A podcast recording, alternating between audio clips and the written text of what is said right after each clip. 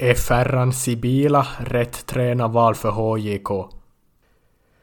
Det är väl omöjligt att svara på men de verkar ju själva i alla fall tro starkt på han.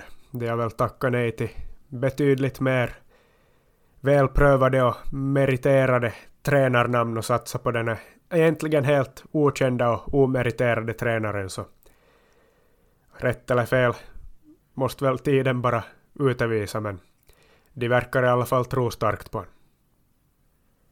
Vem går först i konkurs, HIFK eller Honka?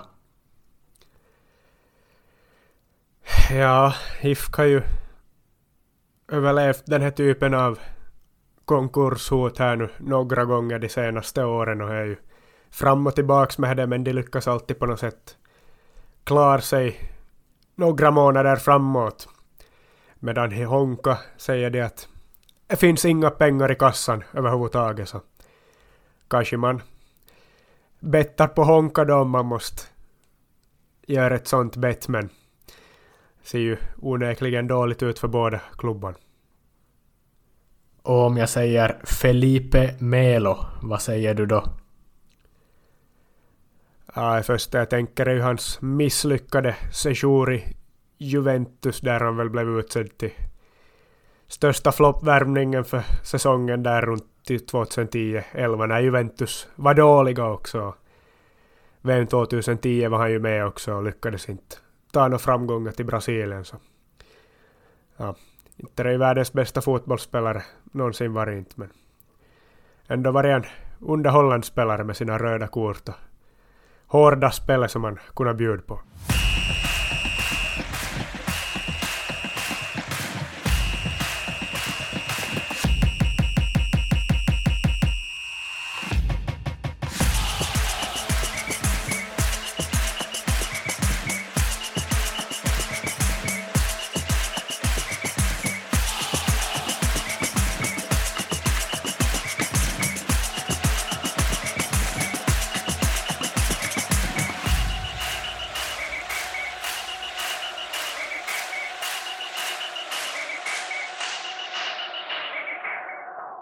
Välkomna till ett nytt avsnitt och det är ju faktiskt avsnitt nummer 100 som vi kör igång med här.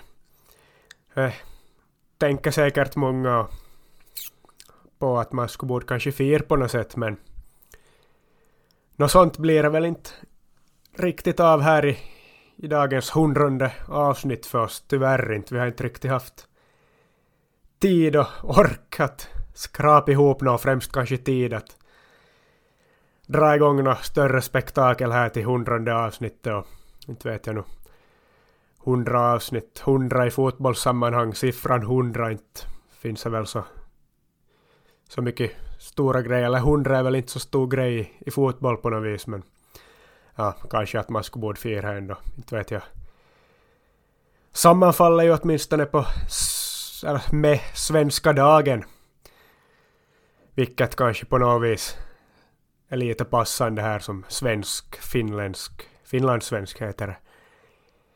Podcast, men ja, vi får väl nog bara göra som man gör på finskt vis kanske.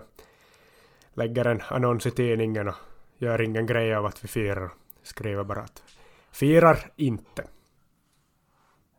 Så gör vi, men vi har ju desto mer att prata om som vanligt så vi får väl direkt gå in på på vad vi börjar med. Vad ska vi börja med? Jag har faktiskt inte hunnit nästan se på någon fotboll alls överhuvudtaget i helgen. Jag enda matchen jag har hunnit med att se var Liverpools bedrövliga tillställning på Kenilworth Road där det bara blev en poäng borta mot Luton men jag har tyvärr haft fullt upp med annat här så kanske är du som får bestäm vart och hur vi rör oss här i fotbollsvärlden, du som ändå säkert har sitt lite mer än jag i helgen. Ja, för mig har ju främst varit fokus på Copa Libertadores-finalen, men vi kommer väl dit senare. Vi gör väl som vi brukar och börjar med den inhemska fotbollen och ja, sista matchen, VPS mot Honka avgörande Europakvalet är slut nu, så nu är säsongen definitivt slut. In i november tog vi börjar på i april med med Veikkausliga och nu är det äntligen kanske många tycker över och ja, en lång säsong som kulminerar i att VPS tog sig ut i Europa till Conference League Playoff eller kval till Conference League efter att Honka som vi trodde att de inte skulle orka hela vägen. Och det blev ju som i fjol att ja, det var Haka som tog den här platsen efter det här kvalet där man, man hade många matcher och då var väl VPS som föll i avgörande kvalfinalen och det blev ju samma i år att Honka med så många matcher som, som de här andra måste spela så är det nog ändå fördel för laget som slutar trea i tabellen. Även om man kanske skulle tycka att de skulle komma direkt till Europa men man har nog en, en stor fördel av att de här andra måste spela så många matcher. Och Honka räckte inte hela vägen den här gången heller. Nej men, ja, det är väl nog Vepsu som är själva det stora här eller hur de avslutar säsongen förstås. Så att tänker man nu på Veikkausliga-säsongen 2023 så nu är det ju främst VPS säsong man kommer ta med sig av hela serien och alla lag och alla spelare och allting man minns så är det ju nog den här prestationen av Vepsu hur de rycker upp sig och vad är det 16 vinster och ett kryss på de 17 senaste matcherna eller någonting sånt efter att ha varit sist i slutet av juni så är ju nog otroligt och är ju hur man kommer ta med sig och då förtjänar man ju nog förstås att gå ut i Europa så är det bara. Ja, vi får väl hoppas att det kommer något häftigt motstånd nästa sommar då. Som det var för några år sedan med Olympia och, och Bröndby men ofta brukar det ju dock bli lite lite, ja vad ska vi säga, halvdeppiga litauiska lag eller någonting sånt men eh, ja, hoppas det kommer något lite häftigare, vi får se. Äh, det känns som att det har varit mycket typ irländska och nordirländska lag som har, finska lag har hamnat och mött här på senare år. Eller ja, Haka hade väl mot no, nordirländare åtminstone här i, i somras. Va? Crusaders eller vem nu vad de hade mot. Men får jag hoppas på ett häftigare äventyr än så då. Förhoppningsvis då att de kan gå vidare och bjuda på mer än en match av Europafotboll på Sandviken. Och för motståndarna som förlorar Honka så kan det ju till och med vara sista matchen man spelar för det ligger ju konkurshot kring den klubben också. Man har inte fått utbetala senaste lönerna och uppges ha en skuld på över ja, nästan en miljon euro stod det på, på Yles hemsida som jag läste och det verkar ju vara riktigt dåligt ställt där en, en klubb som i flera år har hört till toppskiktet i, i Finland men nu verkar det som att det, det finns risk att klubben inte finns något mer. Nej, det är nog... Ja, kanske nu läggs ner helt och hållet men... Ja, risken är väl att ligalicensen dras bort eller elitlicensen eller vad det nu heter. Och I så fall måste de väl börja om ner i systemet då, inte vet jag, kanske börja om på italienskt sätt med nya initialer eller någonting sånt, att man lite döper om namnet från typ FC Honka till AC Honka eller vad som helst. Den men ja, dåligt ser det ju ut och ja, konstigt, men inte är det ju första gången heller som Honka har den här typen av problem. Det är väl ja, no, lite mindre än tio år sedan var det ju i liknande situation också. Jag har varit nere i Ykkönen och Varva och så vidare. Och nog faktiskt varit nere i skiten så de har ju klarat sig förr. Men inte betyder det här att man nödvändigtvis kommer klara sig på nytt eller att det kommer gå bättre när man startar om, om man ens startar om då eller vad som händer. Men just nu ser det ju riktigt mörkt ut och klart att som spelare stör det ju en också. De har sin viktigaste match på hela säsongen typ här och ska ta eller kämpa med en Europaplats då men så får man inte in lönen som den ska inbetala i tid och vet att det är strul som pågår i klubben och man vet inte kommer alla kontrakt måste bli uppsagda eller något man börjar som ja det sätter spöken i huvudet på en helt så det är ju inte optimalt när man går in i ett sånt här möte. Så, ja, långt ifrån bra i Honka just nu och får nog bara se vad som händer men ja, ett tungt tapp nu om de skulle gå i konkurs för Veikkausliga ändå som tappar i så fall ett av sina topplag. Sen är det väl någon annan då som tar deras plats och blir topplag istället och så vidare. Men ja, märkligt ändå att, att det ska behöva bli så här. Och samma är det ju sen med, med HIFK också. Ja, lagkaptenen och veteranen, klubblegendaren Henry Aalto avslutar ju karriären också. Han behöver inte vara med ifall man startar om i lägre divisioner men det lär väl inte många spelare vara, i alla fall inte Roman Eremenko som väl för några veckor sedan han uttalade sig i, i pressen, det var väl främst om sitt kokainmissbruk tidigare i karriären men han sa ju att han hade tre år kvar på topp. Antingen i Finland eller utomlands så han blir ju högaktuell för andra klubbar för han har ju faktiskt hittat tillbaks till, till formen nu här andra halvan av säsongen. Ja, det är ju klart och i bättre skick än vad de flesta i hans ålder och orkar springa och ha sig. Är ju fortfarande nog en av Finlands bästa fotbollsspelare åtminstone Veikkausliga. så ja, han skulle ju till och med klara sig utomlands om han skulle vilja hem men inte vet jag vart han skulle flytta i så fall så man hoppas ju att någon annan Veikkausliga-klubb skulle kunna eller vilja ha kvar honom men det är väl så att han eller det var väl då han gick till HIFK i alla fall i fjol och sen Honka nu i år att han verkar ju vilja bo i Helsingfors. Eller däromkring i alla fall hade han väl uttalat sig om som motivering till att han gick till den klubban så. Ja, inte vet jag. Vart blir det i så fall återstår ju att se om man måste bort från Helsingfors eller blir det till och med klubbi. Ja, och du var ju in på det redan. Honka är inte enda som är i problem nu ekonomiskt.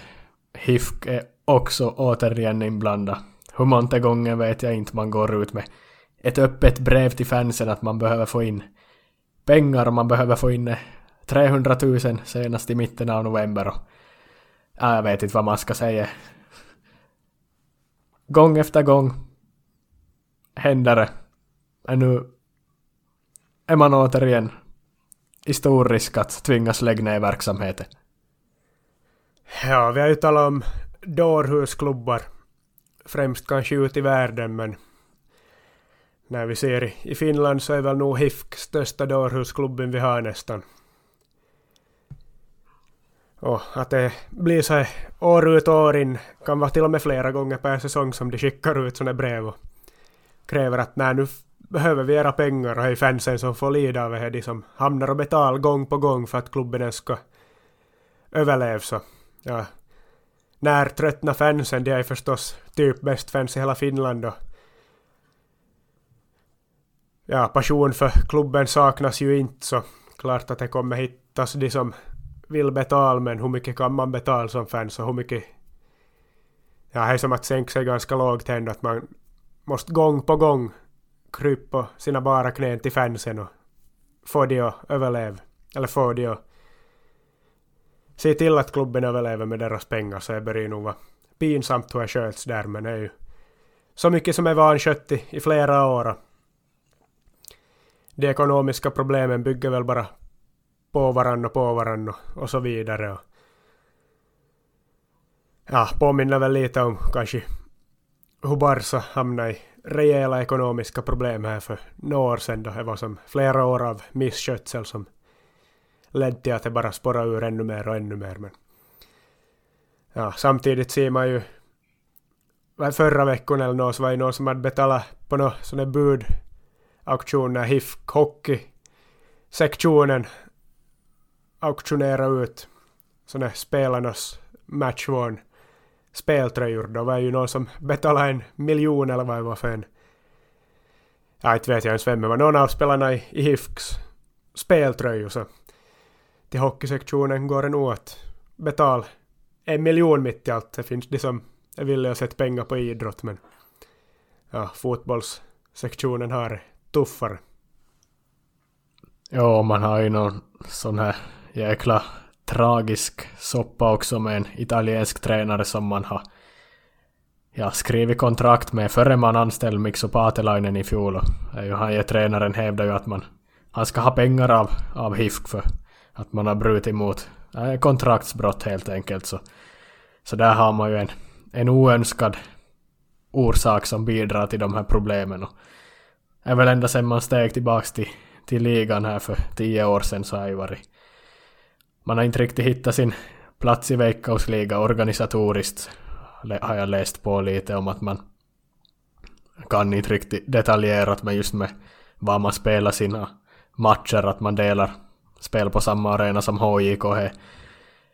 Man menar att HJK har mer fördelar av den situationen att HIF kanske skulle borde ha en lite mindre egen arena någonstans eller någonting i den stilen för det håller inte och det visas gång på gång och nu de här 300 000 verkar ju bara vara minimi, det behövs betydligt mer verkar det som också. Ja, den här arenasituationen har ju nog varit mycket snack om och ja, HIFK har väl gnällt på, eller många har gnällt på HIFK att hur kan de gå med på ett sånt avtal att man delar arena med HJK, men det är som HJK som styr allting där och tjänar väl typ alla intäkter och, och så vidare. Jag kan inte riktigt det fullt ut heller, men de har ju eller skött det bedrövligt dåligt och skulle behöva komma ur det, men det är väl mycket verkar det vara så kortsiktiga lösningar hela tiden, att de släcker bränder, men att det får i, i långa loppet sen bara större konsekvenser. Och jag läst på Twitter var det någon fotograf som hade, var väl förra säsongen hade han blivit inhyrd för att sköta något lagfoton eller vad det nu var inför säsongen. Och han hade väl inte ännu fått betalt, det har bara hela tiden skjutit fram det här betalningen av räkningen då så och sagt att ja, vi, vi betalar sen och vi betalar senare. Och så nu hade de väl då istället bara beställt en, eller vad heter det, hyrt in en annan fotograf sen mitt i allt då som ja, inte vet jag om de har betalat hand då, men de har ju lämnat han första för, från i fjol då helt obetald. Inte vet jag om de hade slutat svara på hans meddelande eller, eller vad det nu var, men de som, ja, sköter ju allting så dåligt som det går nästan där. Och sen ändå så mycket är det ju som bygger det upp att det ska se bra ut utifrån och så vidare. De tar in sådana stjärnor ändå hela tiden. Varje säsong har de ju något, något stort namn. Ja, Eremenko hade i fjol, Arajuri hade i år, Eero Markkanen har varit där. Och Kei Kamara och den där Beto, portugisiska målvakten och, och, allt vad de nu har haft där nu bara några. Miksu Paatelainen som tränare men ja, det verkar ju som inte finnas några långsiktiga planer överhuvudtaget. Och då kanske det skulle vara lika bra att man inte satsar på sådana stora namn som ändå ska ha bra betalt när man inte har någon större plan över hur man ska få det här att bli till något. Och överraskade man ju inte att det är finska klubbar i ekonomiska svårigheter, för det är vardagen i finsk fotboll och har varit så länge och kommer vara så framöver också. Jag läste ju om Ekenäs IFs nya krav på, på nästa säsong för arenainvesteringar. Det uppgår ju till en miljon euro också det, men det pratade vi om för någon vecka sedan när man steg, så vi ska inte ta upp ännu mer. Men vi kan ju gå till stadsrivalen i Helsingfors då vi ändå var in på HIFK. HJK har ju där går det ju såklart betydligt bättre både ekonomiskt och sportsligt. Men nu har man ju gjort klart med en ny tränare och är ett ganska otippat namn faktiskt. Du, du var ju in på att det var den här tränaren Ferran Sibila som skulle bli klar för någon vecka sedan då vi pratade. Men ändå, jag tycker nog en, en chansning. Han är oprövad och kan man inte hitta ett större namn än en ja, som bara har varit assisterande tränare tidigare.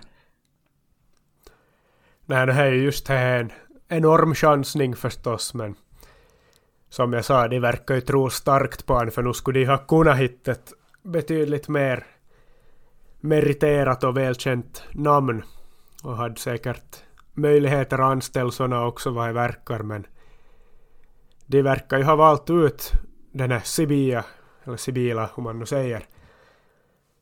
För att det är han de vill ha. Så de ser väl någonting i honom, har blivit imponerade av honom. När vet jag inte, för han har ju nästan bara varit assisterande i, i de svenska lag som han har huserat i, men ja, kanske han har fått något på jobbintervjun visa sina visioner och berätta vad han tänker implementera här då. Här tydligen imponerat på HIK-ledningen så ja, det är ju intressant och kul ändå med ett, att man vågar ta en sån här risk. Alltså det skulle ju såklart kunna ta ett stort namn och vinna ligan oavsett men de tänker väl någonting ännu större med det här tänker jag då att se väl att det finns såna uppsidor som kan ta det till en helt ny nivå kanske som klubb och inte vet jag. Kanske att man ska börja kunna hävda sig ut i Europa eller någonting sånt. Han verkar ju nog vara en riktig så här bollspelande coach, och en modern passningsinriktad fotboll nu.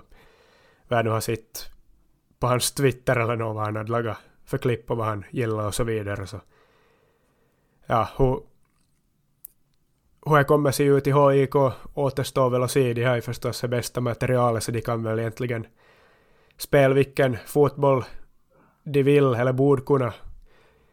I Finland inhemskt men sen i Europaspelet är ju en annan femma. Där vet jag inte om tanken är att de ska nå en ny nivå eller få mer resultat eller bättre resultat, kanske gå lite längre i Europa eller vara med och hävda sig typ Conference League eller Europa Leagues gruppspel så är det väl inte sagt att sån här passningsinriktad offensiv fotboll alltid är det bästa sättet när man som ändå underdog kommer in i Europa.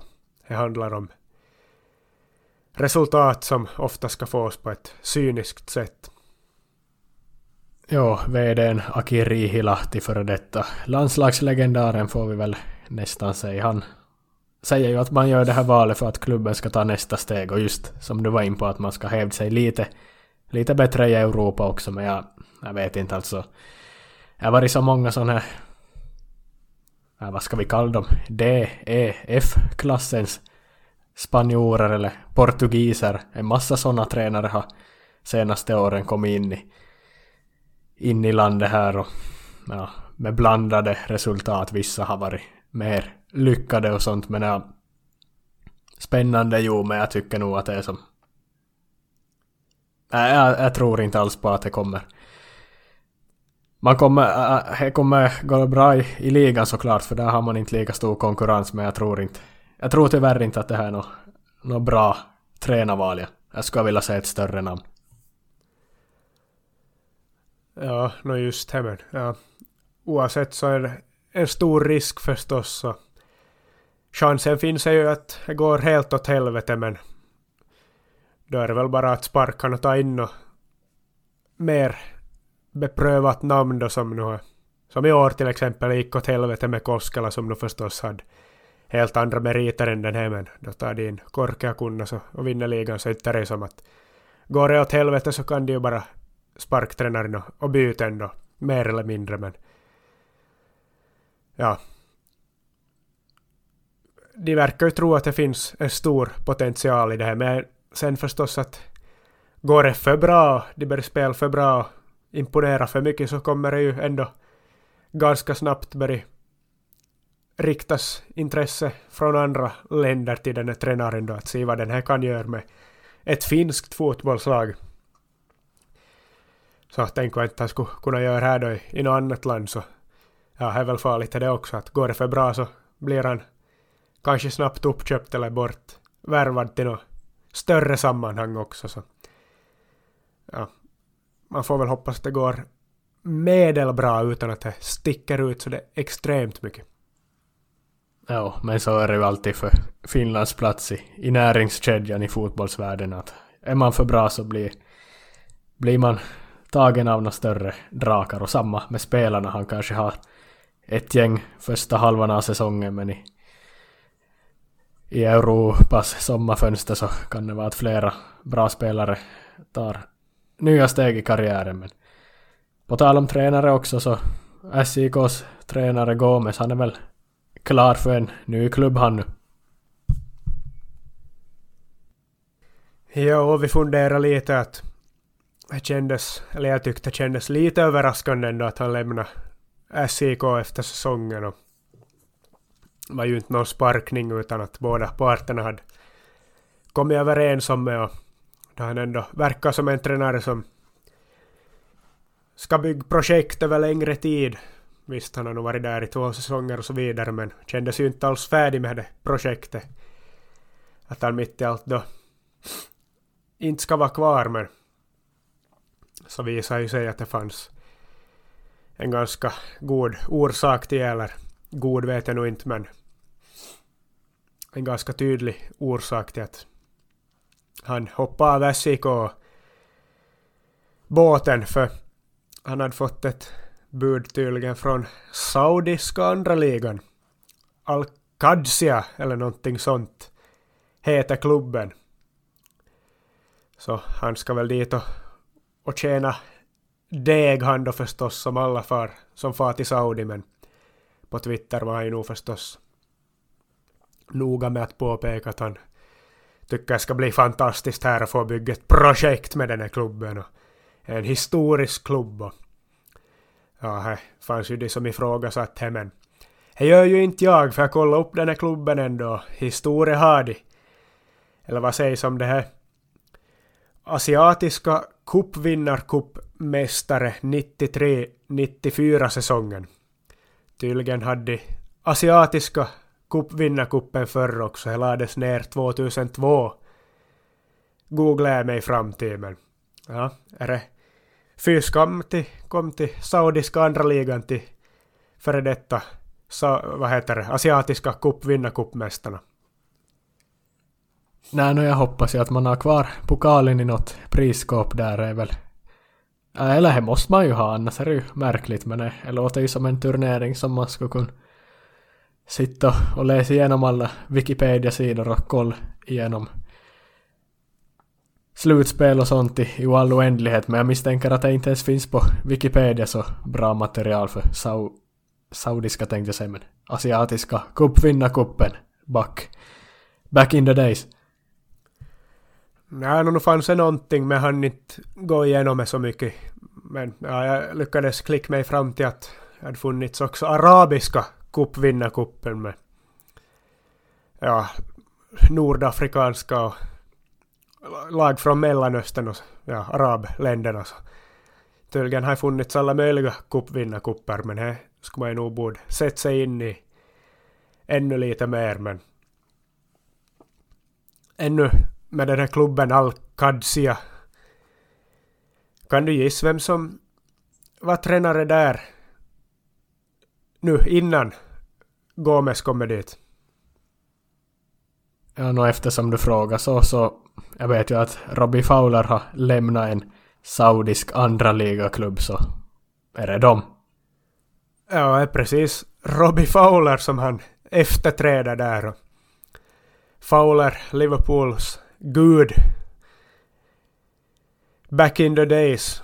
Ja, han fick ju kritik förstås från Liverpool-håll Scousers att han far till, till Saudiarabien som Gerard och Henderson och, och så vidare men ja, lämnar man nu det åt sidan så verkar han ju ha gjort det ganska bra där inledningsvis åtminstone. Han vann Manager of the Month i september och tror på de nio matcher han hade där så vann han väl sex av de, kryssa två och åkt bara ut för en förlust.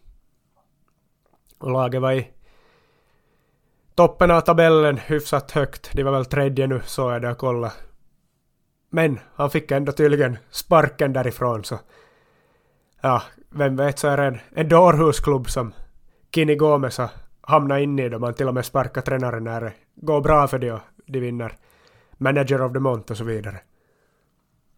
Ja, för jag blev lite överraskad om man inte läst någon orsak till varför han lämnar när man ligger i, i toppen av tabellen, men kan det vara så att man har studerat ut att det finns en tränare i Seinejoki som är en bra väg att gå, en bra väg att, att bygga vidare laget kring och kanske är just därför så bara äh, är Robby du får åk tillbaks till Merseyside så tar vi in en, en spanjor som har varit i Seinejoki istället. Ja, kanske är det den här Saudiarabien som var i IFK Mariehamn som vi pratade mycket om i våras, hans korta stint där, Abdul Fattah Asiri som har blivit så imponerad av SJK och spridit ordet av deras tränare. Det var ju då det gick så bra för SJK här också, så inte är det väl omöjligt inte så. Kanske att Abdul Fattah Asiris influens är större än vad vi tror här, men det verkar nog ha ändå några spelare till och med som man kände igen i, i den klubben mer högprofilerade än kanske vad SIK har. De hade nu Joel Robles som var i Everton målvakt för, för några år sedan. Han är André Carillo eller någonting sånt, peruan, ganska snabb, så denna spelar väl i Benfica eller Sporting Club. Något portugisiskt lag någon gång i tiden. Och så var det den här Alvaro Gonzales eller något som ja, kalla Neymar för apa eller någonting sånt och det blev stora rasistiska anklagelser så han hade tydligen hamnat i saudiska andra ligan han också. Det är sådana killar som Gomes får ta över där efter att ha handskats med Jerry Gäddun Sträng och, och gänget i Seinejoki. Jo, men jag kan inte anklaga honom för att gå till Saudiarabien. Han är en i fotbollsvärlden medioker tränare om man... Ja, han har spelat i fin eller tränat i Finland så... Om storstjärnor går till Saudi då kan jag kritisera dem men när en sån här figur går dit så ja, då är det ju som... Alla rörmokare eller elektriker skulle väl få till, till Saudi om de skulle få hundra gånger mer betalt men en tränare som nog inte lär få Saudi-pengar är ju Niklas Widjeskog som blev klar som Jaros nya tränare efter att man har sparkat vård här i höstas och nu ska ha en ny tränare till nästa säsong och det blev Vidjeskog. och ja, det känns väl som ett ganska en ganska tryggt val. Jag vet inte varför men det känns ganska som att det är en, spe, en gammal spelare som har funnits där och också varit interimtränare för Jarro som, som tar över nu. Ja, kommunicerade de väl ut också när de hållit på med den här urvalsprocessen att anställa en ny tränare att det med högsta sannolikhet blir någon lokal förmåga och med det i åtanke så var det väl kanske inte så jätteförvånande att det blev Vidjeskog som får chansen då igen att träna Jaro. Han har ju som du sa varit interimtränare och så har han väl varit assisterande i några repriser och liknande i KPV men nu var i alla fall som, eller det är väl första gången han får ta över riktigt ordentligt som innan säsongen börjar och han får mandat att bygga ett helt eget lag och bestämma hur jag ska spela fotboll och vem de ska värva in och så vidare. Ja, intressant på så sätt men kanske inte det modigaste valet men kanske inte så stora risker heller som Jaro ska behöva eller ska ta i det här skedet inte så med tanke på hur dåligt det gick den här föregående säsongen. Jo, nej, jag känner ju sportchefen där som har blivit sportchef tills i år, Tobias, han en gammal klasskompis till mig faktiskt från då vi studerade men man hade väl en sån här tanke att tränaren han skulle förstå klubben vad Jaro innebär för Jakobstad. Det känns väl, om man kollar på de parametrarna så känns det väl som ett bra val. Men jag noterade här att det, det skrevs ett ettårskontrakt. Den detaljen är ganska speciell. Det är inte så många andra länder som man skriver ettårskontrakt och inte heller i Finland. Det brukar ju vara minst två om man anställer en ny tränare men man det betyder väl att man ja, man har erfarenhet av hur det har gått tidigare att man inte vill betala ut lön ifall det skulle bli så att man måste avskeda en tränare och att den fortfarande är under kontrakt så är ju inget stort risktagande. När man bara skriver med ett års kontrakt men det sänder kanske lite sådana budskap att man ja, man vet inte riktigt om han är rätt men ja, om det går bra kommer man väl säkert att förlänga men ett år till att börja med.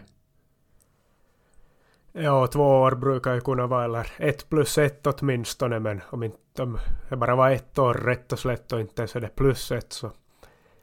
Ja, lite signalerar det ju att man kanske inte vet själva hur mycket man tror på det här och det är ju inte kanske så det är jättebra men samtidigt inte risk, eller samtidigt är det inte så stor risk heller då ifall det går dåligt. Men det är ju en helt ny fotbollsverklighet som kommer utspela sig i Finland och speciellt i de här Ykkönen och liga Ykkönen-ligorna nästa år också så kanske att de lite väntar och ser hur den verkligheten kommer se ut innan de vill göra upp något mer långsiktig plan. Det är väl oklart med mycket där hur det kommer bli ekonomiskt och så vidare och allt vad som kommer spela in så kanske att det går att förstås på det sättet att då eventuellt man förlänger då nästa år eller gör upp en mer långsiktig plan när man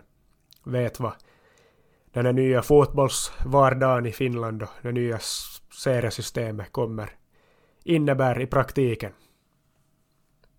Ja, och om ni vill höra på Niklas Widekskogs pojk Axel så ska ni gå tillbaks i arkivet och, och kolla på vårt gästavsnitt med honom i fjol. Han har ju varit en väldigt bra spelare och tagit nya steg i kups den här säsongen. Men ja, vi ska lämna Finland nu tänkte jag, men jag har en enda grej till jag kom på vi behöver ta upp och det är att Armada Inter, supporterklubben, en av FC Inters supporterklubbar, lägger ner nu.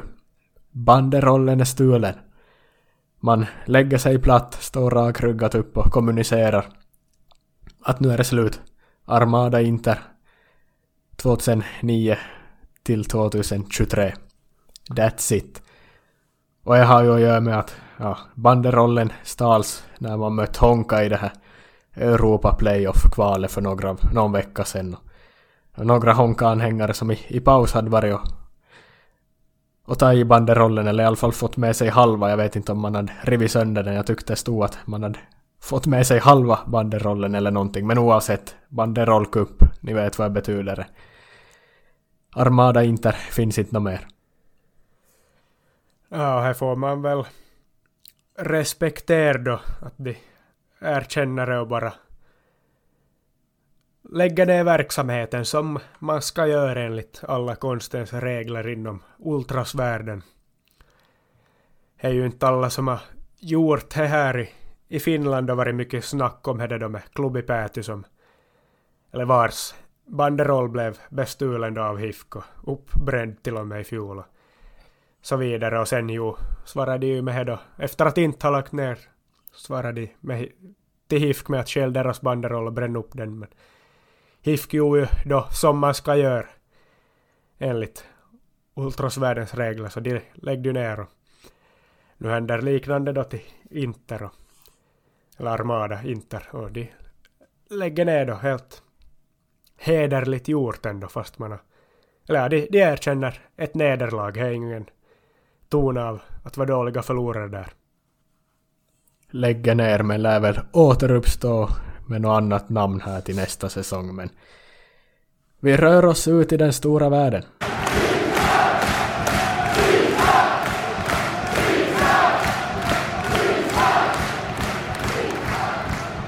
Ja, det var ju matchen med stort M i helgen. Copa Libertadores final på självaste Maracana. Det blir ju inte större, är ju Ja, Champions League i all ära men eh, enligt mig så är det nog betydligt mer intressant. Såklart man kollar ju mindre på Copa Libertadores så jag ska nog inte säga att jag sitter upp och kollar matcher på nätterna utan men den här matchen sändes ju på bra sändningstid och när det ändå ett lag från Argentina, Boca Juniors, mot ett lag från Brasilien, Fluminense så ja, det fanns ju alla förutsättningar för en, en riktig höjda match och det blev ju Det blev ju en galen match också. Fluminense vinner Copa Libertadores. För första gången i historien. Flamengo har ju alltid kunnat reta dem och sagt att ni har aldrig vunnit Copa Libertadores, men nu har Fluminense tagit sin första titel och och två röda kort i finalen och extremt stor, ja, vad ska vi säga, bevakning av matchen inför flera veckor inför. När ett lag från Brasilien mot ett från Argentina på neutral arena som i det här fallet var hemstaden för Fluminense på Maracana, men ändå helt galet, men ja, Fluminense är ju något speciellt de håller på med. Det är ju många som, eller många och många, men det börjar ju även här i Europa pratas nu om den här nya nymodighetstränaren Fernando Diniz. De har pratat i, i Eurotalk, ett svenskt fotbollsprogram har de tagit uppe, men ännu är det ganska många som inte inte har fått särskilt bra koll på vad som händer där, men det är ju någonting unikt för... Jag är ju... Jag är ju som inte själv så taktiskt kunnig, men är faktiskt kul att koll på Fluminense när, när man spelar med Dinis nya takni, taktik, eller nygamla Dinisismon som man kallar det som. Ja, man kan prata om Guardiola och De Serbi och sånt, men de får ju bara slänga sig i väggen, för här är ju något alldeles unikt. Det är ju possession fotboll, passningsorienterat, men är inte positionsstyrt, så man, man rör sig och, och byter positioner fritt under matchen och det kan ju kosta bakåt men det är ju häftigt att se. Har du tagit del av Fernando Diniz, den här nya spännande tränaren? Ja, nu är jag väl kanske lite mer intresserad av du av sådana taktiska grejer nu. Har ju noterat så att jag kommit fram nu och då prat om det här och i Sverige har ju nog varit en del prat om det här som man håller på med relationism har ju döpts till. Går ju i princip ut på det ja, att man ska hålla bollen och så vidare men ja, man gör ju motsatt från det här var positionell uppstyrd fotboll possession fotboll som Guardiola och De Serbio och sådana där alltid ska vissa ytor vara täckta av spelare eller det ska alltid finnas spelare i på förhand bestämda ytor som då bildar ett slags mönster då som täcker mer eller mindre hela planen eller de ytor som är värda att befinna sig på. Men det här relationism alltså är ju som att spelarna får nästan själv helt bestämma vad de gör men grundtanken är väl att de ska tromma ihop sig så gott det går på en liten yta. De kan vara fem spelare inom 10 kvadratmeter fast eller vad som helst. Och därifrån då ska de med bollen se till att saker händer så det blir som ett ett kaos på mindre ytor och ja, de försöker ju då kontrollera det här kaoset och genom kaoset ta sig framåt i plan och till målchanser och blir ju, eller eh, ser ju till att det händer som en massa saker på små ytor. Det påminner väl kanske lite om när småbarn spelar fotboll, typ någon minikupp eller någonting sånt, att alla springer i en klunga efter bollen och lite så kan det ju nästan se ut, bara att de förstås är skickliga och vet vad de håller på med, men det är som inte så uppstyrt som typ Guardiola eller De Serbis fotboll där det är bestämt på förhand vad man ska göra. Här är det som bara att trama in er alla nu på, på en yta där och så ser ni till att någonting händer med er. I det här fallet då brasilianska skicklighet och kreativitet så blir det ju ofta bra då. Ja, tappar man bollen också så är ju alla direkt nära på. För man vet ju att ja, när man tappar bollen är kanske en duell eller någonting sånt. Och visst, motståndarna tar bollen av en men är det en 50-50 så kan bollen flyga vart som helst. Och då har man många spelare där som är bra positionerade att ta bollen på nytt. Då kanske några nya ytor har öppnat upp sig och så vidare. Så det går ju ut på att skapa ett sånt kaos på liten yta. Så är ju som helt emot vad man i Europa brukar hålla på med med det positional eller positionsdrivna systemet där man ska sprida ut sig i plan och försöka hitta öppna ytor och så vidare. Men ja, det är ju verkligen faktiskt unikt det här just. Det är ju som inte några många spelare som, eller några många tränare som håller på med det. är ju lite har väl Malmö börjat försöka och i Sverige Hammarby, Sifuentes och, och Rydström i Malmö har väl lite börjat ta in det men annars har man ju nog inte sett just något sånt i, i den fotboll man ser på. För det är ju typ bara ...Dinisi Fluminense, vad heter det, ja Fluminense som håller på med så är det verkligen häftigt när det kommer någonting nytt. Jag har ju som i länge börjat fundera själv att kommer det någonsin komma någon ny taktik eller nya taktiska filosofier in i, i världsfotbollen eller är allting redan uppfunnet men här är ju lite nyskapande då genom att no, egentligen tar man bort alla regler och går mot alla regler som tidigare har funnits eller som fotboll, den moderna fotbollen byggs upp via så det är faktiskt häftigt att se det här. Båda målen de gjorde i den här Libertadores-finalen kom ju också, eller som tydliga produkter av det här uppbyggnads sättet så är det ju häftigt att det ger så bra resultat att man vinner Copa Libertadores också när det är så kul att se på. Båda fallen spelade ju sig fram på en kant. Första målet är väl, räknar jag att alla tio utespelare är som mer eller mindre från mittpunkten till, till höger sida eller på högerkanten och så där tar de sig fram då skapar ett inläggsläge som de utnyttjar bra då. Sen andra målet kommer på andra kanten, vänsterkanten då de gör, ja, sågar sig fram där då med alla spelare nästan på den kanten då istället. Så det är som inte alls ovanligt att både till exempel ytterback och, och yttermittfältare kommer från helt motsatta kanten. Så att det, båda ytterbackarna är på samma kant och båda yttermittfältarna är på samma kant och där blir det då rörigt men då får det ju saker att, hända. Så. Ja, unikt och roligt att se på. Tydligen också kan ge framgång.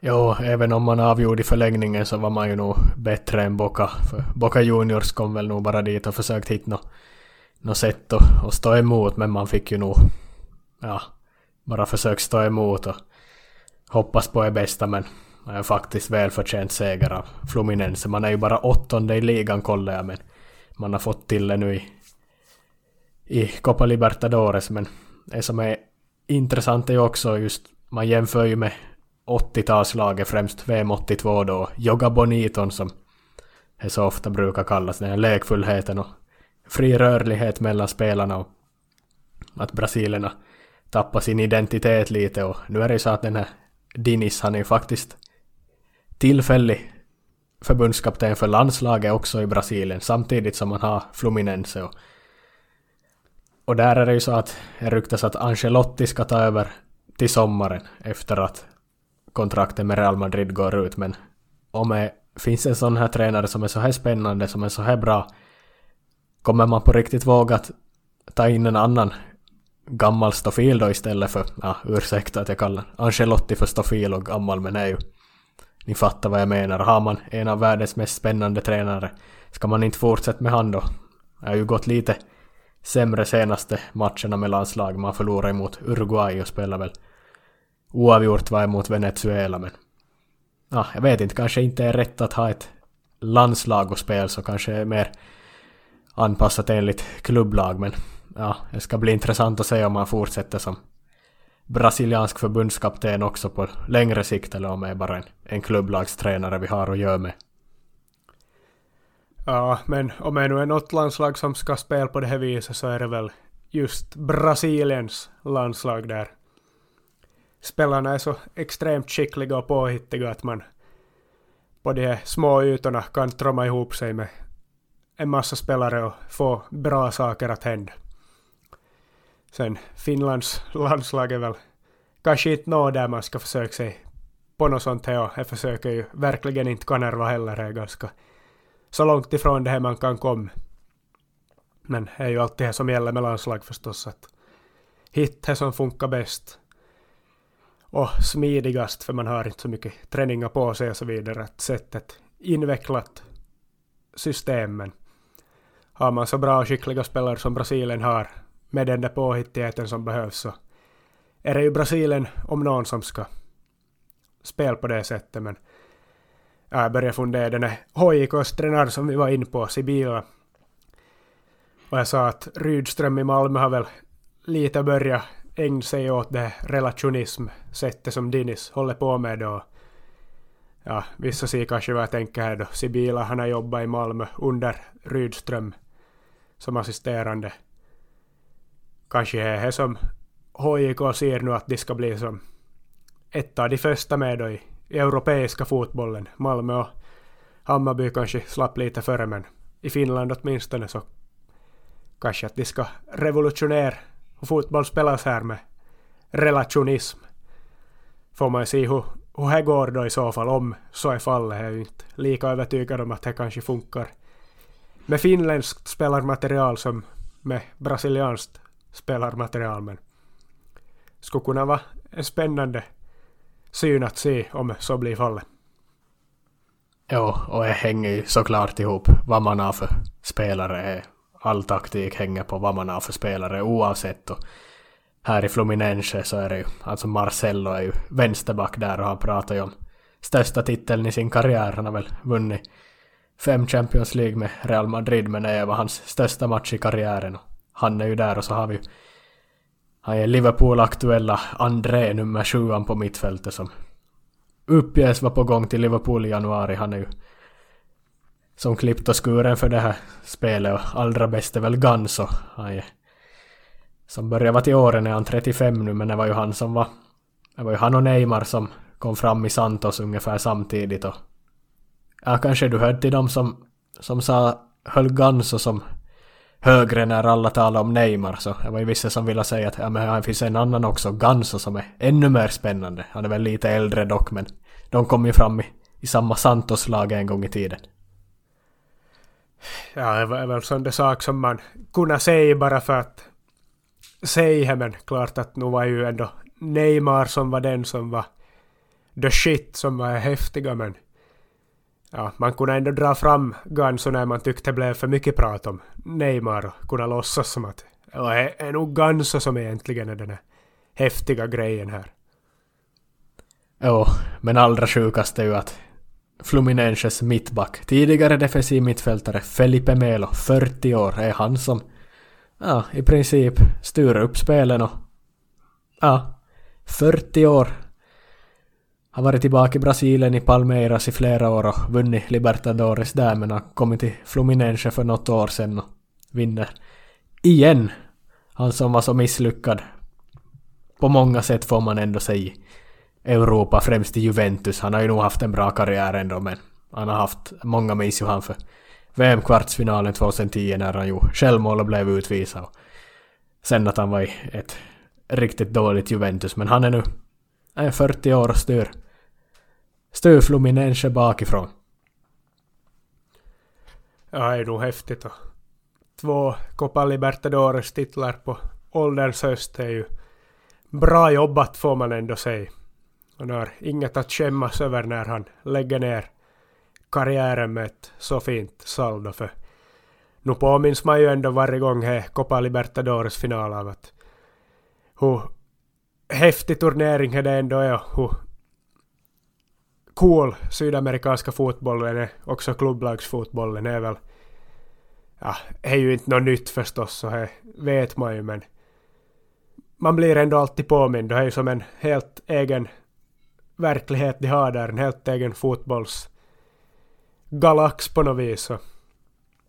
De skiter ju blanka fan i europeiska klubblagsfotbollen där och det är som så enormt och när man ser på läktarna hur mycket fans och hur mycket Boca supportrar som reser dit och hur mycket det betyder för det. Och ja, samma sak med Fluminense. Anhängarna där, då hur de tar över och fyller arenan med sina färger och firar guldet och sen och hur det smittar av sig och hur passionerade spelarna är och allting. Det är ju så otroligt häftigt och det ja, man kan aldrig bli påmind om det för många gånger och egentligen känner man ju alltid när man ser på det att det är det här man skulle som borde se på hela tiden och det är den här fotbollen man skulle borde vara involverad och investera sig i men förstås här i Nordeuropa är det ju svårt att göra det med avsparkstider och så vidare, det är så långt och det är andra språk och, och så vidare, så det går ju inte riktigt men ja. På många sätt har vi ju det bra här i Finland och Europa men fotbollsmässigt och passionsmässigt så skulle man ju nog vilja leva sitt liv som en fast Fluminense eller Boca-supporter eller vilket stort eller liten klubb som helst från något av de sydamerikanska fotbolls tungviktarländerna. Ja, och som jag sa, Marcello sa att det var största matchen i hans karriär och så sa ju Boca Juniors anfallaren Edinson Cavani också. Så när sådana här tunga namn säger så stora saker så vet man ju faktiskt vad det betyder. Det var ju intressant, jag har ju tagit del av lite ja, inför rapporterna från från Rio de Janeiro då. Det var ju hundratusen Boca Juniors argentinare som tog sig till, till stan och ja, alla fattar ju att långt ifrån alla de slipper in på arenan. Man säljer sina ägodelar för att ta sig, ta sig dit bara för att vara på plats där. Man får ju flashbacks till 2014 då argentinska fansen intog Copacabana och ja, det är nog såna klipp som man har kollat i, i all oändlighet. och Som jag i alla fall alltid kommer koll, men nu kommer det ju nya från Boca Juniors här, även om de förlorar. Men det var ju intressant när man kollar lite media, man rapporterar ju när La Doce, alltså supportergruppen Boca Juniors allra största, tolfte spelaren på, på svenska. Man rapporterar när de ledarna för den gruppen landar i, i Rio. Ja, vilket charterplan de tar och vilket hotell de bor på, vilka vägar de tar och vilka vägar de inte tar och var de kommer röra sig och hur, hur pass bepassade med vakter de är och hur många som skyddar dem ifall det blir någon uppgörelse och sånt. Är som är lite som om det skulle komma någon politiker och man skriver om att ja, nu har Niinistö landat i, ja, i Tyskland och bla bla och nu ska han till träff den här personen och på samma sätt i Sydamerika, bara att med, med ultrasledare eller Barra Brava som det heter där. Och de här största äldre personerna också, de här gamla, gamla gubbar ganska. Den ena såg nog ut att vara någon 60-åring, Rafael Diceo, men Mauro Martin är väl några år yngre. Men när de största ledarna landar för Boca Juniors supportergrupp så är som sån uppståndelse som det skrivs om och rapporteras om i, i i, i pressen dygnet runt är faktiskt häftigt hur det är som hur det byggs upp och såklart övriga fans också och hur många de blir och ja, så, såklart blev ju en del trubbel också när polisen gick på som vanligt på oskyldiga människor och hackade någon med, med batong och kör på övervåld men överlag var ju nog en, en folkfest. Ja, nej, som sagt, det är ju nog den här fotbollen, den sydamerikanska som man själv skulle borde vara en del av. Det känns ju nog som att man lite är född på fel geografiska plats. För ja, skulle man nu själv bara vara född där skulle det ju som vara en självklarhet att man åker till Maracana som Boca-supporter eller vad som helst. Att man lever för en fotbollsklubb men här i Finland blir man bara gjord till åtlöje när man visar sådana känslor. Så, ja. Sydamerika är den fotbollen man skulle, borde ägna sig åt. Och då slänger vi in ett kort quiz här. Vilka fem lag har flest Copa Libertadores titlar? Jag kan säga att det lag som har mest har sju titlar och så finns det ett lag på sex titlar, ett lag på fem titlar och två lag på fyra titlar. Ja, det kom ju oväntat. Vad ska man kasta ur sig? Ja, då Flamengo borde ha ganska många i alla fall, så det är nu första jag kommer på. Flamengo har bara tre titlar. Jaha, no. Var ju röven också. är ju förstås brasilianska tungviktare man tänker på, så argentinska förstås. Men hur många, ja nu Boca och River måste väl nog ändå båda vara på listan. Boca och River är på listan. Boca Juniors sex titlar, River Plate fyra titlar. Ja, vad ska jag ha tre klubbar till då? Ska jag... Ja. Ska jag kanske gissa att de... Alla är brasilianska då till och med, vågar jag gör här. När jag skjuter in ett Sao Paulo. Sao Paulo har också som Flamengo tre titlar. Jaha, no Palmeiras var vi in på. Det är väl nästa gissning det då.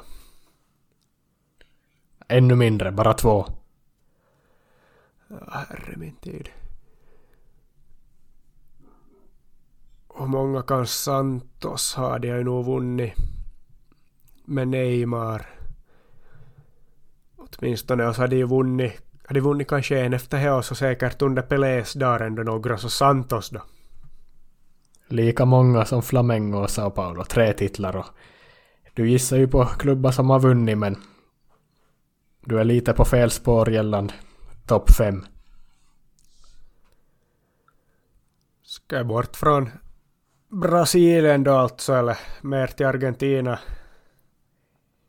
Ja, jag kan väl ge dig lite ledtrådar. Det är ju faktiskt så att brasilianska klubbarna är inte med på, på topp fem utan de som du har räknat upp har, har vunnit tre och är mesta någon brasiliansk klubb har vunnit och Gremio är ju också ett lag som har vunnit tre men det lag som har vunnit sju och mest av alla är från Argentina och det lag som har vunnit fem är från ett annat land och det lag som har vunnit fyra lika många som River Plate är också från Argentina så är två argentinska och så ett från övriga Sydamerika.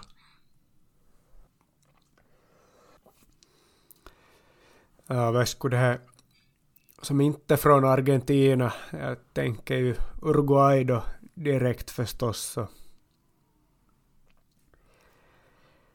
Det är väl Peñarol eller National så ja, kanske jag drar mig till med National Club Gigante eller vad de nu pratar om att det är så. Om det är så enormt så kanske det har vunnit tillräckligt många för att vara in på listan. Gigante i, i hemlandet men i Copa Libertadores så är det Peñarol som du ska borde svara samma fem titlar.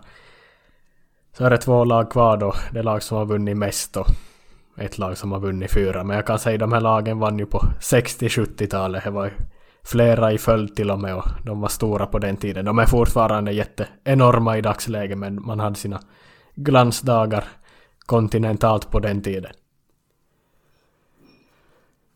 Det mesta går ju fel här bland mina gissningar fast jag ändå tycker att jag resonerar rätt och tänker bra men det skiter sig ändå gång på gång här så självförtroende är ju inte på topp men kan det vara Racing Club och Independiente?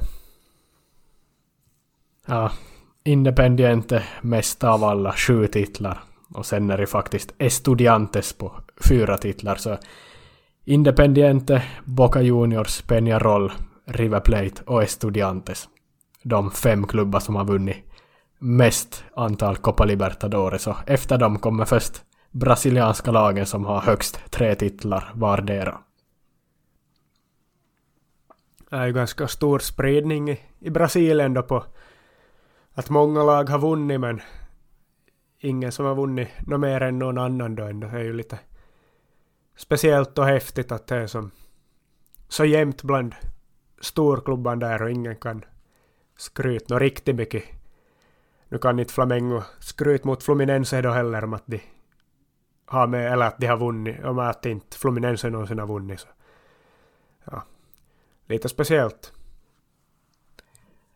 Och 2018 var ju sista finalen som spelades över två möten. Nu har man ju bara en final på neutral mark i år råkar ju bli så att Fluminense gick till final i sin egen stad men du minns kanske varför man...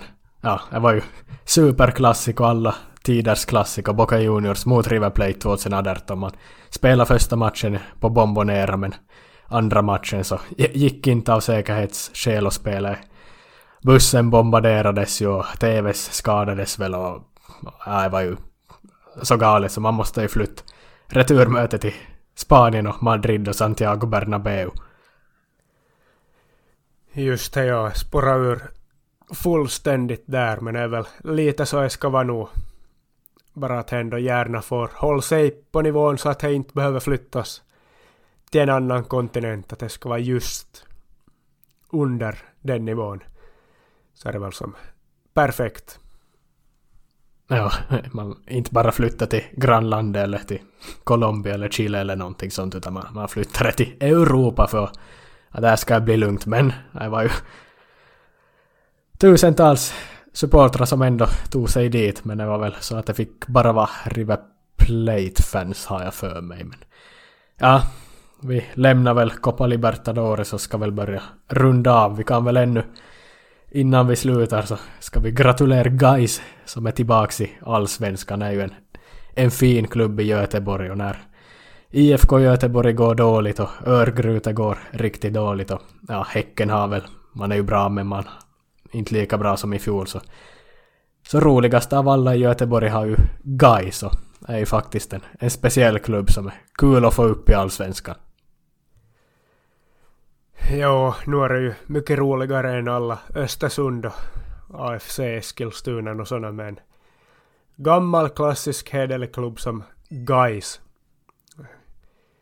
Nu, ja, kul på alla sätt bara att ha det uppe i allsvenskan och ja, Gais ska väl vara lite en sån klubb att det går kanske bra i perioder men att det främst nog ska vara ganska mörka tider och gå dåligt som har gjort nu länge sedan de var uppe i Allsvenskan senast och började vara mellan 10 och 15 år sedan här kanske och varit ner i division 1 här och, och så vidare. Och, ja, det ska väl vara lite så här motgångssupportrarnas lag som ändå kan ta saker och ting med glimten i ögat. Men som ändå får de där topparna och kan uträtta riktigt stora saker att se tillbaks på också och jävlas med de andra Göteborgsklubbarna också. Mäktigt med guys. Ja, om man, om Hammarby säger att man är motgångs supporterklubb så är det ju nog ingenting i jämförelse med guys. Jag minns jag hade ju en som studerade med mig i Umeå också som, som höll på Gais och när han hade kompisar från Göteborg på besök där så frågade jag dem om de också är Gaisare så sa de nej nej vi alla är blåvita, det är bara han bara endast han som är Gaisare jag har ju hört storyn från då han åker på både hemma och bortamatcher. Det är ju nog en mäktig supporterskara. De är inte störst men de är fan, de är fan mäktiga i alla fall. Fick ju storma plan igår i Jönköping när man blev klara för allsvenskan. Man var ju till och med i division 1 i fjol så man var nere på tredje nivå till och med och kom, kom upp två divisioner på två år. Ja, så till och med jag så. Ja, inte har jag något annat att säga än grattis guys.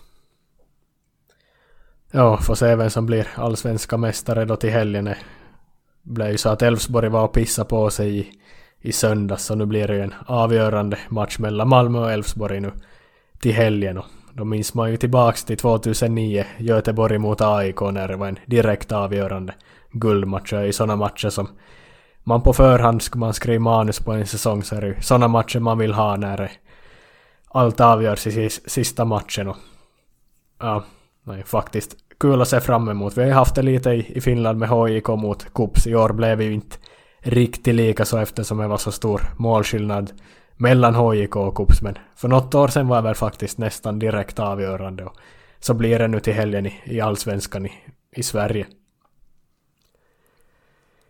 Ja, det är väl som man vill att en serie ska sluta om man får bestämma på förhand och det gör vi ju nästan här i Finland när det är färdigt bestämt att ettan kommer möta tvåan i, i sista omgången av övre slutspelsserien Så ja, det blir ju häftigt men nu är det ju ändå lite häftigare ännu när det faktiskt sker så här att det inte bestämt på förhand. Och uppstyrt på samma sätt då. Att det ska avgöras då efter en lång serie sent i hösten, mitten av november någon gång. I, ja, på, i Malmö då, på gräs, riktigt. Riktig fotboll och tungviktarklubb och häftig stämning. Det blir, det blir mäktigt det ja.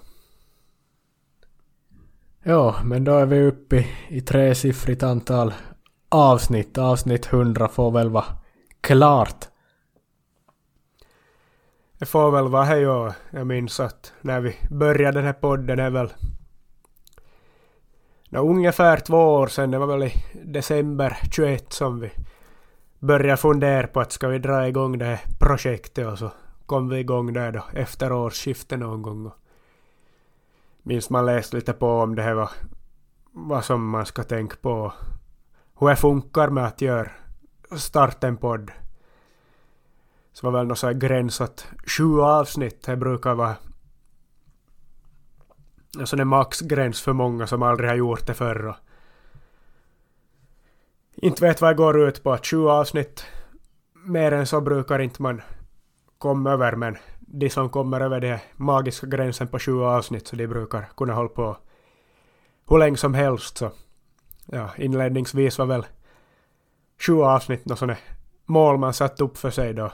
Klarar vi det så får man se då, sen kan man vara nöjd typ. Men nu har jag gått vidare då. Vi är uppe i hundra här då denna grådaskiga novemberkväll.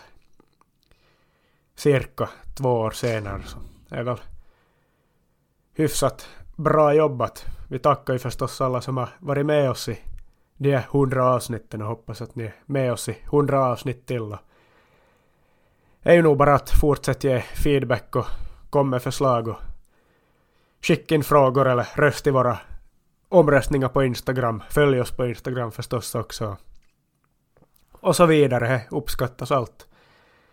Alla former av interaktioner. Så tack till alla lyssnare som har orkat i, i hundra avsnitt. Hör på det och så siktar vi väl på hundra avsnitt till då. Ja, stort tack ska alla ha och är nog bara höra av sig om man vill vara med som gäst eller känner någon som skulle kunna gästa oss eller någonting om vi har något lite specialavsnitt eller om man skulle köra något speciellt tema kring något visst ämne. Vi är, vi är nog ganska lätta att ha att göra med så är nog bara skicka in förslag. Ja, precis. Så tack ännu en gång då för alla som har lyssnat så säger vi tack och hej.